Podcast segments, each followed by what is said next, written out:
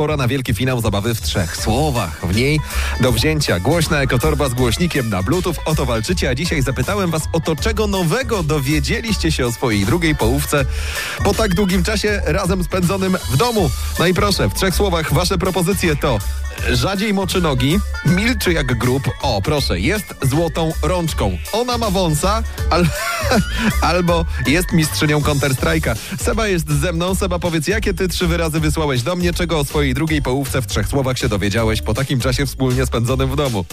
Brak górnej trójki. Brak górnej trójki. Powiem ci szczerze, że rozbawiło mnie to już po tym, jak to przeczytałem, ale nadal jestem ciekaw, co się za tym chowa i kryje. To znaczy, wiesz co, moja partnerka już od długiego czasu mówiła, że boli ją ząb. No i zawsze jak wracała, to zawsze jakieś awanki tam w domu, delikatne, wiadomo, ze względu na doskwierający ból. No i wczoraj cisza, spokój. No i wieczorem okazało się, że no nie ma tej górnej trójki i to było właśnie powodem tej ciszy. Nic ci nie powiedziała? No nic, nic, nic. W ogóle nie wspomniała nawet, nie? Czy w planach jest generalnie wypełnienie tego miejsca, czy ma to być na przykład, nie wiem, miejsce na, na papierosa albo...